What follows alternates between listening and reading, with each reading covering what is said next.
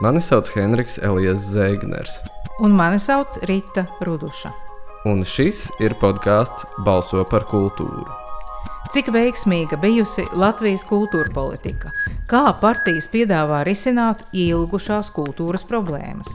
Satorī podkāstu, rakstu, diskusiju un video ciklā Balso par kultūru raudzīsim saprast, par ko atdot balsi 14. saimnes vēlēšanās. Labdien, darbie klausītāji! Čau, Rita! Čau! Šis ir noslēdzošais podkāsts ciklā Balso par kultūru. Mēs esam noslēguši arī diskusiju ciklu. Ir aizvadītas mēneša garumā četras sarunas, četras diskusijas ar kandidējošiem politiķiem par dažādiem kultūras aspektiem, un esam pārdzīvojuši nu pat arī pēdējo sarunu par kultūru un identitāti. Sarunu var noskatīties gan video ierakstā, gan nu pat ir arī brīdī, kad jūs dzirdat šo podkāstu, satorī pieejami apkopojumi par visu, visu ciklu kopā, pa katriem blokiem. Pēdējā saruna, kas notika šonadēļ, nedēļā, kurā arī sestdien mēs piedzīvosim vēlēšanas, un balsot var jau tagad. Bet šajā sarunā piedalījās Gunārs Kūtris no ZZS, Ritvars Jansons no Nacionālās apvienības, Ivars Zariņš no Saskaņas, Agnesa Logina no Progresīviem, Arvils Ašeradens no Jaunās vienotības, kā arī Vita Anda Tārauda no Attīstībai par. Ceturtā saruna - kultūra un identitāte, atcaucoties ciklā sākotnēji arī uz Olgas Procevskas rakstu, iespējams, varbūt tādu polarizējošāko un diskusijas raisošāko publikāciju visā šajā ciklā, bet saruna, manuprāt, patiesībā bija tāda samērā mierīga, samērā maiga un arī samērā sakarīga. Man tas iespējas bija tāds, ka šajā griezumā mazliet attālinoties nosacīti no tieši teiksim, kultūras tādā šaurākā izpratnē un pietuvojoties drīzāk plašākai politikai, kā mēs tajā sarunā nokļuvām tādos viļņos, šķiet, ka politiķi tomēr ir izteikties spējīgāki, varbūt par savu nostāju šādā griezumā. Bet tas ir tāds mans iespējas, Rīta, kā tev šķiet, vai tu piekrīti vai tu nepiekrīti? Es daļēji piekrītu. Ir skaidrs, ka plašākiem vēzieniem runāt par sabiedrību un par sabiedrisko līgumu no vienas puses bija vieglāks uzdevums politiķiem. Un mēs jau gan redzējām, ka tur bija domstarpības par to, vai tā ir kultūra vai nav kultūra. Un te mēs atkal varētu parunāt par to, kāds ir tas kultūras tvērums un izpratne par to, kas ir kultūra, vai tad attiecība kultūra starp varu un pilsoņiem nav kultūra. Man šķiet, ka mēs varētu konstatēt, ka tomēr ir. Un nevēlties arī diskusiju sāku ar valsts prezidenta citātu, kurā šie divi jēdzieni, kultūra un valstiskums, ir vienā teikumā un ka tie ir nesarojami saistīti. Bet nu, šī bija tāda neliela atkāpe. Jā, man šķiet, ka bija raitāk nekā citas reizes. Iespējams, tas ir izskaidrojams ar to, ka nebija tik specifisks fokus uz kultūru šaurā izpratnē. Bet vienlaikus es teiktu, ka tas, ko mēs esam vērojuši arī iepriekšējās diskusijās un būtībā visā šajā ciklā, ka tendence aizklīst vai nu vispārīgos izteicienos, kurus tiklīdz tu sāc dekonstruēt, satura tajos ir ļoti maz, vai ātri fokusēties uz, teiksim, mana partija tur dara tā un tā. Protams, ka tas bija arī daļēji klātesošo uzdevums. Bet spēja reflektēt par lieliem konceptuāliem jautājumiem, kas ir saistīti ar mūsu demokrātijas veselību, ar mūsu demokrātijas attīstību, ar dažādo spēlētāju pienesumu demokrātijai un par attiecībām starp šiem dažādiem spēlētājiem, nu to mēs īsti tā arī nesagaidījām. Es domāju, vai mēs pēc šīm četrām diskusijām varētu pamēģināt noformulēt kādas tēzes par to, vai šīs sarunas mums ir par katru no partijām pavēstījušas ko jaunu? Vai tev, teiksim, skatoties uz šo nu, principā vienoto partiju loku, kas tika arī pārstāvēts principā visās sarunās ar atsevišķiem izņēmumiem, kur kāds netika vai bija kāds misēklis. Vai tev ir pārsteigumi, vai tev ir mainījies viedoklis par kādu no partijām? Es neteiktu, ka man ir mainījies viedoklis. Mani mazliet pārsteidza tas, cik ļoti sakrita daži uzstādījumi partijām, kuras it kā ideoloģiski neatrodas, nu, vismaz teorētiski ideoloģiski neatrodas vienā laukā. Varbūt tu vari es varu precizēt. No, jā, nu, no pēdējās diskusijas es varu precizēt, tas bija saskaņas un Nacionālās apvienības viņu pārstāvju replikas īpaši par nevienlīdzības mazināšanu sabiedrībā, kā pienesumu sabiedriskā līguma tiešām ciešākām saistībām. Nu, tā kā no valsts puses tas būtu tāds. Tās partijas, kuras ir bijušas koalīcijā un darbojušās koalīcijā līdz šim kopā, tas, ka tām ir saskanīgi viedokļi, nepārsteidz, protams. Bet nu, jā, tas, ka ideoloģiski atšķirīgām partijām ir kaut kāda kopsaucēja, tas bija nedaudz pārsteidzoši. Tas, ko es atklāju, ka opozīcijā esošām partijām ir cilvēciskāka valoda. To viens no runātājiem atzīmēja. Es diemžēl aizmirsu, kurš. Vai bija tā, tāda piezīme? Jā. jā, bija tāda piezīme.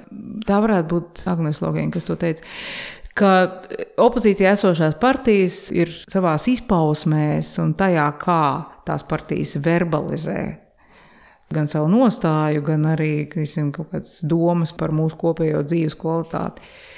Tā tad ir tiešām vienkāršāka terminoloģija. Es saprotu, ka tam ir izskaidrojums, es saprotu, kā rodas valodas piesārņojums ar birokrātiskiem terminiem.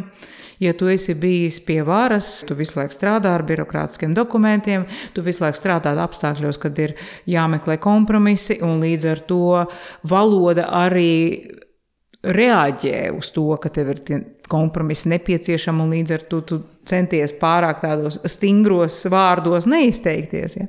Tam visam ir izskaidrojums, bet šis man bija atklājums tieši cik lielā mērā atšķiras opozīcijas retorika un pie varas esošo partiju retorika. Ko es vēl atklāju, ir, ka ir diezgan atsvaidzinoši sastapties ar ideālistiem hmm. politikā, jaunpienācējiem, ideālistiem jo sen tā nav bijis.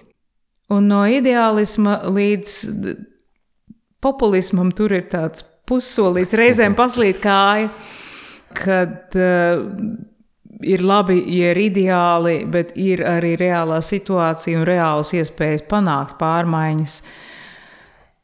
Un, uh, protams, ja tu esi jaunpienācējs lielajā nacionālā līmeņa politikā, tad varbūt tu arī īsti nepielāgo to, kā tu runā, kaut kādām politiskām reālijām un iespējām panākt to, par ko tu runā.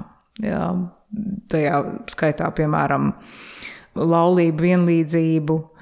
Ir labi, ka tu par to iestājies, bet runāt par to laikā, kad mēs vēl neesam civilās savienības likumu pieņēmuši, šķiet vienkārši par tālu. Bet no otras puses, kā jau teicu, tas ir tā patīkami atsvaidzinoši. Nu, jācer, ka sekos arī tomēr realitātes virzība, sekojot tiem ideāliem, vai ne? Jā, nu, galu galā katra partija tomēr ir sākusies no ideāliem, tā katrā ziņā gribētu cerēt. Bet, nu, kaut kā tie ideāli mazliet ir jānoliek malā, paliekot uzticībam kaut kādam vērtību kopumam, bet nu, tev ikdienā tomēr ir jāstrādā, jāmeklē realistiskais risinājums. Ja? Bet ideālisms politikā ir tāda svaiga eh, gaisa vēsma. Es gribētu vēl mazliet par to izpratne par mūsu demokrātijas, to līmi, kas satur mūsu sabiedrību kopā. Ja. Mazliet mainot tēmu un atgriežoties pie sākuma, ja mēs nespējam īsti tā līdz galam vienoties par to, kas ir mūsu kopīgās, tiksim, nesatricināmās vērtības, tad mums ir problēma. Bet man šķiet, ka lielos vilcienos tomēr visi, arī gan jaunie, gan vecie, pie varas esošie, opozīcijā esošie, eh, spēja vienoties par to, ka pamatu sabiedriskajam līgumam veido satversme. Un tas ir brīnišķīgi. Bet no tā seko dažādas piebildes, piemēram, satversmes grozījumi, slavenais 110. pants, vai mēs to uzskatām arī par sabiedrību vienojošu. Otrs jautājums ir par to, vai pirmais pants, kas ir Latvija, ir demokrātiska republika, tomēr nav vissvarīgākais, un ja tas tāds ir, tad Tad no tā izriet, ka Latvijai vajadzētu pildīt, piemēram, satversmes tiesas spriedumu. Ja, ja mēs patiešām ticam satversmei, tad ir labi, ka visi klātesošie spēja vienoties ap satversmi kā tādu vienojošo spēku, kur ir postulētas mūsu vērtības, bet nu tad gribētos konsekvenci šo vērtību ieviešanā tad gribētos arī refleksiju par to, ka ir tomēr kaut kādas pretrunas starp pirmo pantu un šo vēlāko jaunievedumu, un ir pretruns ar pirmo pantu un to, ka šo pašu politiķu pārstāvētās partijas sājumā, piemēram, nepilda satversmes tiesas spriedumu. Mēs redakcijā spriedām par tādu it kā sen labi zināmu patiesību, tomēr šādā kontekstā tas uzskatāmi dūrās acīs. Pārsteidzoši, ka ir atsevišķi partiju dalībnieki, kas, piemēram, piedalījās šajās sarunās, kuru teiktais un šķietami vērojamais domu ceļš un vērtību sistēma, spriežot pēc šīm sarunām, piemēram, akurāti neasociējas ar to, ko mēs parasti redzam šīs partijas darot ikdienā. Un tad es domāju par to, vai tā ir tā teikt, politiķu tāda mazliet gluma, viltīga meistarība priekšvēlēšanu laikā.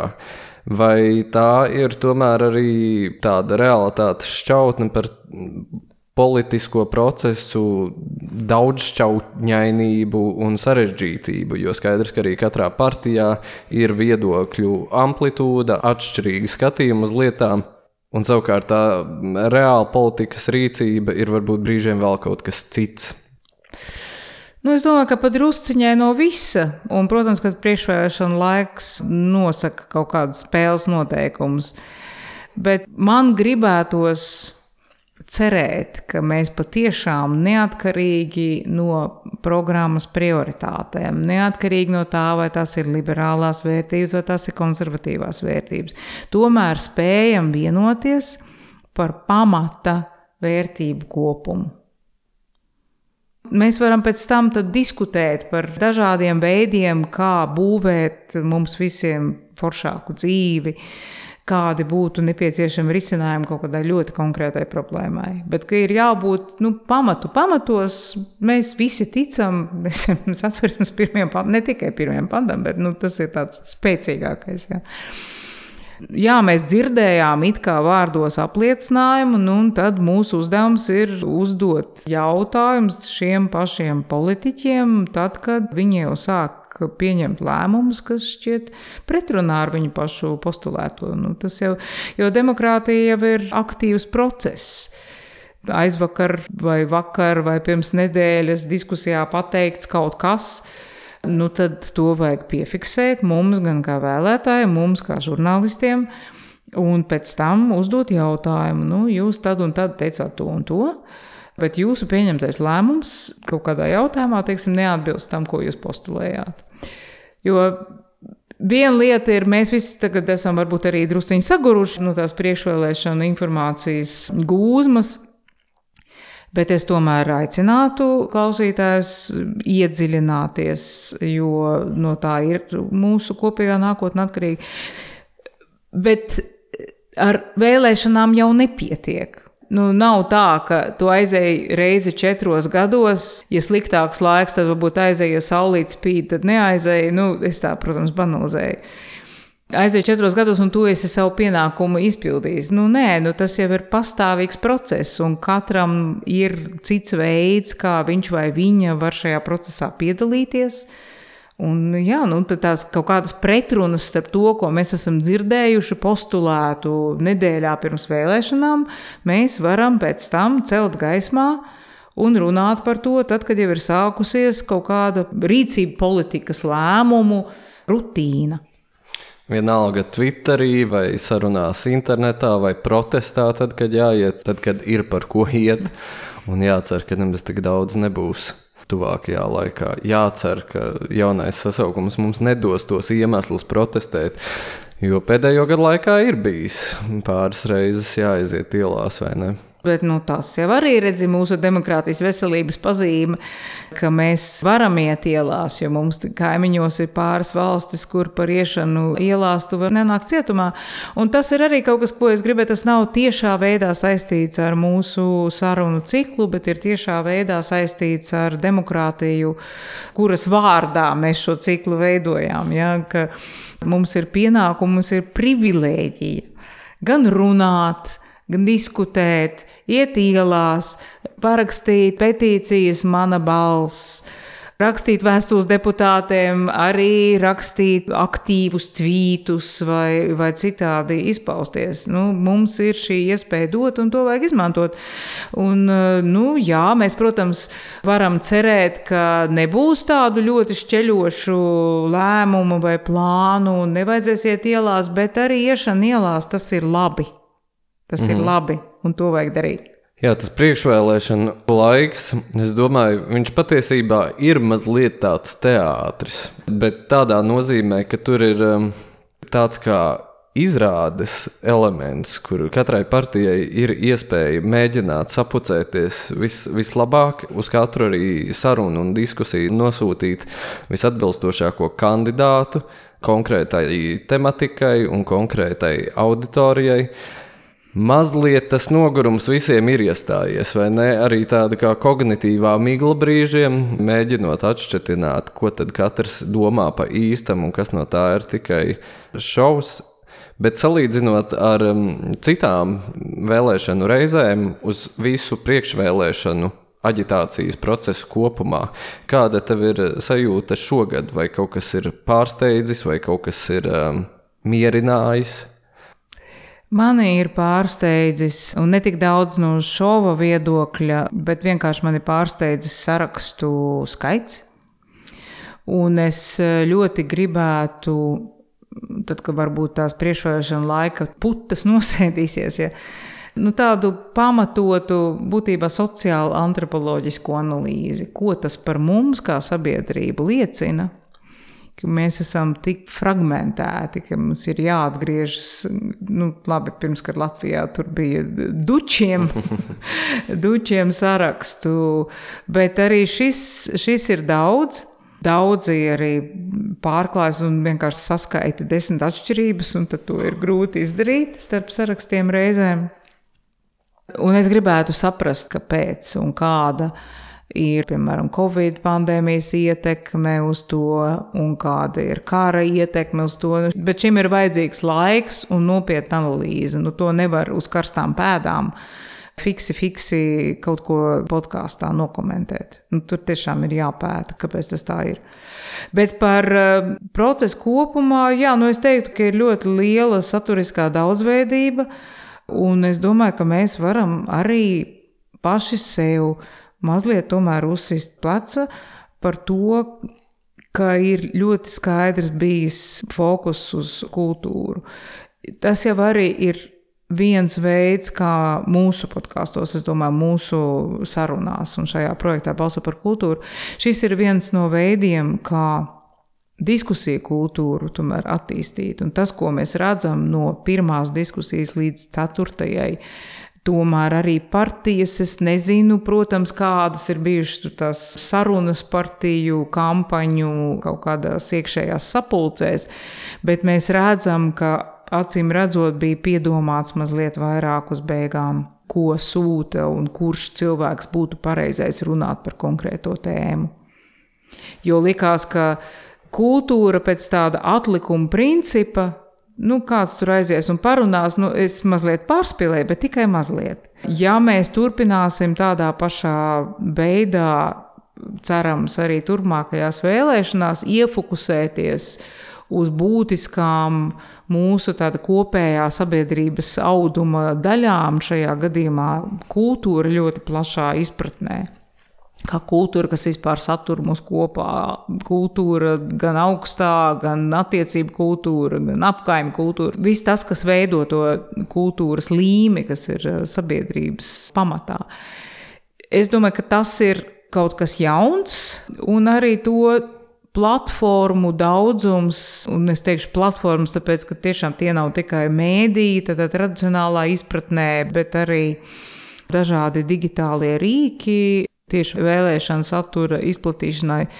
Tas ir kaut kas jauns, visādi jauni cilvēki, vienkārši politiski aktīvi, jauni cilvēki, tikto kā paši savus individuālos vēlēšanu projektus, piemēram, veidoja, kas ir ļoti veselīga pazīme. Es ceru, ka mēs turpināsim tādā pašā garā. Šobrīd tieši pirms ceļa uz vēlēšanu iecirkni, ja kāds vēl nav izlēmis, par ko balsot, Ko tu viņam ieteiktu vai viņai? Es ieteiktu abstrahēties no utīm. Paskaidrošu, ko es ar to domāju. Ar to es domāju, ka mēs varam atrast utis vai, vai kaut kādus citus, kā to var saukt dažādi. Lietas, kas mums nepatīk, katrā partijā, un tas ir normāli. Nav perfektu partiju, nekad nebūs. Nav partiju, kas pilnībā mums der kā uzliekas, uzvalks, šūs vislabākā šuvēja, visas vielītes savās vietās. Tā vienkārši nekad nebūs.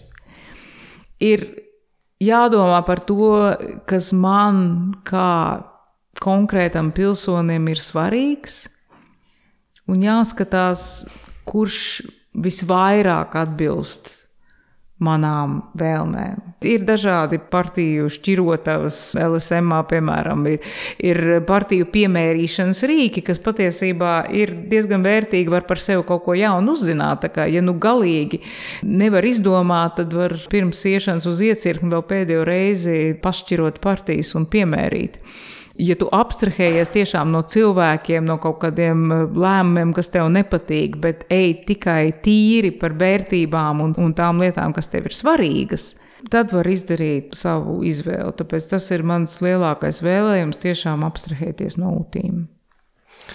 Es domāju, vai ir vērts uzdot jautājumu par to, kāpēc ir jāiet balsot. Man būtu interesanti noskaidrot, vai ir kāds cilvēks, kas klausās šo podkāstu un neiet balsot. Ja ir kāds šāds cilvēks, lūdzu, atsūtiet mums jebkurā platformā ziņu, pastāstiet savu stāstu. Bet, jā, nu, jā, nu, kāpēc mums ir jāiet balsot Rīta? Ja mēs atgriežamies pie sabiedriskā līguma, šī ir tik elementāra sabiedriskā līguma sastāvdaļa, kas prasa minimālu piepūli. Un ja tu neizdari pat to minimālo, tad to arī nevari sagaidīt no otras līgumslēdzēja puses, kas ir vara. Arī minimālo. Tu nevari nebalsot un pēc tam publiski sūkstīties par veselības aizsardzības sistēmas trūkumiem. Tu nevari nebalsot un sašust par skolotāju algām. Tu nevari nebalsot un teikt, nē, bet mēs nejūtamies tomēr šajā valstī droši. Šī ir visvienkāršākā, visminimālākā prasība sabiedriskajā līgumā, un, ja to neizpilda, tad tu tiešām neko nevari sagaidīt arī no otras puses. Un tas nav izdevīgi ne individam, ne kopienai. Bet, protams, Nu, lūk, lai vai kāda izvēle katram no mums, es esmu šī mēneša laikā nonācis pie savas izvēles. Es sākumā svārstījos. Patiesībā tieši šonadēļ, pēdējā nedēļā, starp diviem kandidātiem, starp diviem variantiem šaudoties, nonācu pie savas vienas konkrētās izvēles. un vai Ceru- diskusijas to ietekmēja? Diskusijas arī to ietekmē, taisnība sakot, jā. Es ceru, klausītāji un lasītāji, ka arī jums ir skaidrs jūsu izvēlētais variants. Tiekamies iecirkņos. Tiekamies iecirkņos un turpmākajā dzīvē, kuru noteiks tas, ko mēs būsim šajos iecirkņos izdarījuši. Cerams, arvien foršākā. Šajā diezgan satraucošajā laikā ceram uz to foršāko. Nudien! Paldies, Rīta! Paldies, klausītāji! Līdz citai sadzirdēšanās reizei! Atā! Atā! Podkāstu tapšanu finansē Mēdīļu atbalsta fonds. Klausieties arī pārējos šīs sērijas podkāstus un lasiet rakstus portālā Satorija LV.